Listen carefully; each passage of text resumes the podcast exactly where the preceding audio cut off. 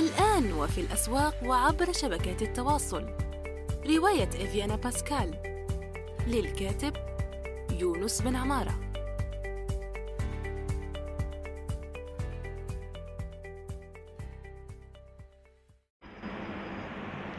السلام عليكم ورحمة الله وبركاته. في حلقة جديدة من يونس توك وسوف نخصص هذه المرة للطرق للتخلص من التلوث الصوتي. والتلوث الصوتي يشبه التلوث الضوئي إلا أنه خاص بالصوت. التلوث الضوئي يزعج كثيرا أصدقائنا الهواة في علم الفلك لأنه يمنع من رؤية النجوم والظواهر الكونية بشكل مميز. التلوث الصوتي من ناحية أخرى in the other hand كما يقول الإنجليش مان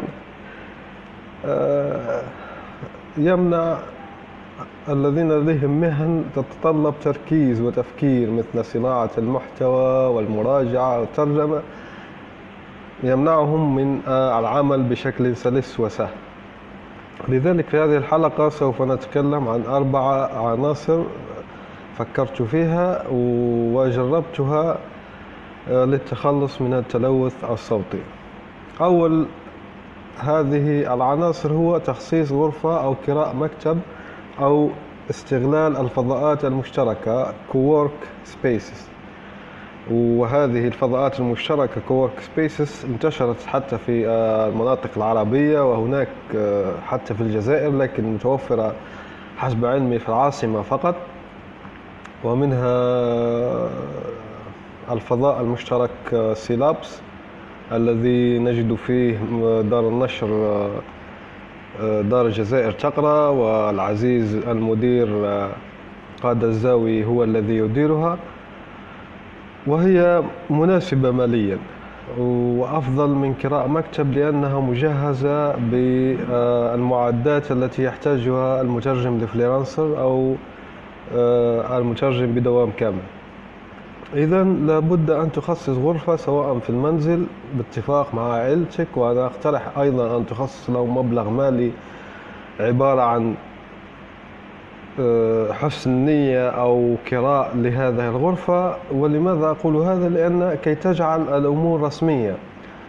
لكن أفضل كراء مكتب أو استخدام الفضاءات المشتركة أفضل من تخصيص غرفة في المنزل لأن الإزعاج مهما كان الخاص بالمنزل لا يتعلق بالتلوث الصوتي فقط بل يتعلق أيضا بالطلبات وعدم تفهم شغلك وعدم فهم ماذا تفعل وإلى فهناك مشاكل أخرى أكثر من التلوث الصوتي. إذا أنصح بكراء مكتب الفضاءات المشتركة. من الناحية المادية وأنا لا أستطيع ويمكنني التوفير عندما أكون في المنزل وإلى آخره أنا أقترح أن كراء مكتب أو فضاءات المشتركة هي استثمار ممتاز جدا لن تندم عنه لأنه سيطور مهنتك وتصبح أكثر احترافية وأنت أصلا تصبح تنظر إلى نفسك بشكل أكثر بروفيشنال أكثر مهنية وتقدر مهنتك أكثر وعدة أمور أخرى ومزايا. العنصر الثاني للتخلص من التلوث الصوتي هو الانسجام مع الإزعاج الصوتي. وهذا صعب لأنه يتطلب تحكم كبير بالنفس. وأنا اقتبسته من مسلسل اسمه اي أو هو ممتاز ممكن سوف أضع رابطه في مدونتي عندما أنشر هذه الحلقة هناك. عندما بدأت البطلة تحكي إلى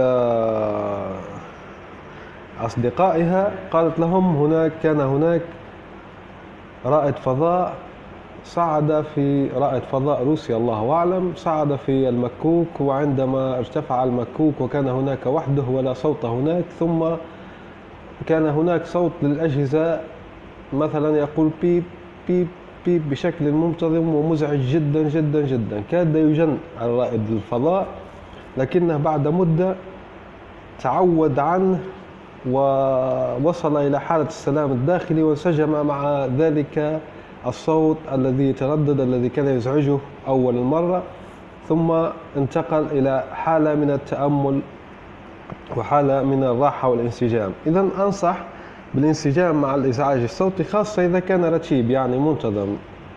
إذا كان منتظم ويكون بعيد نوعا ما فالأفضل الانسجام آه، معه محاولة الانسجام محاولة الانسجام أيضا تجعلك منيعا وهي داخلة أيضا في موضوع العمل تحت الضغط لأن الضغط لأن التلوث الصوتي عبارة عن نوع من أنواع الضغوط.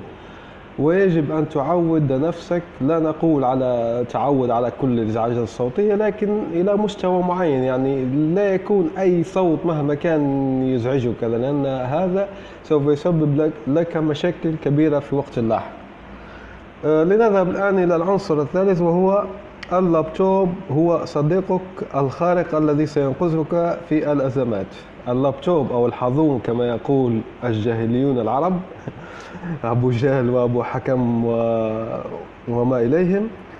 هو صديقك الخارق فعلا. عندما يكون إزعاج فوق الطاقة فوق المستطاع يعني أشغال كبرى أو آه، أصوات عالية عالية جدا من أحد الأعراس السخيفة التي تقام بجانبك اذهب احمل لابتوبك أو حاضنك وأذهب إلى صديقك محل صديقك كافيه أي فضاء مشترك أي مكان آخر أو منزلك مثلا.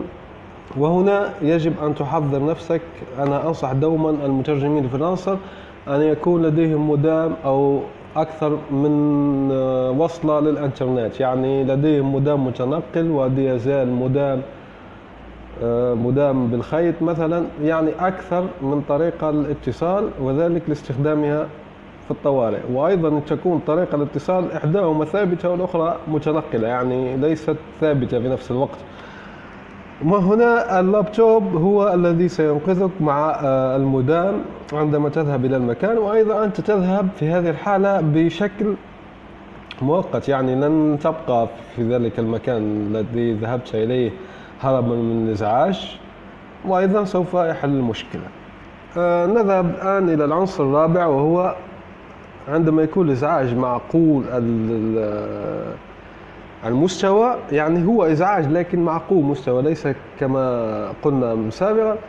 فهنا الموسيقى الخافتة بسماعة جيدة قد تساعد موسيقى فقط دون أغاني يمكن موسيقى كلاسيكية يمكن إذا كنت من محبي هاروكي موراكامي أن تكتب في الإنترنت هاروكي موراكامي music وتنزل الموسيقى المعينة وتضع السماعات وتستمع ثم تعمل. هنا تنفع خاصة إذا كنت إذا كنت يعني تترجم أو تعمل تترجم في مقالات تقنية ثابتة أو تترجم في صياغة صحفية لا تتطلب كثير جدا من التفكير والتركيز.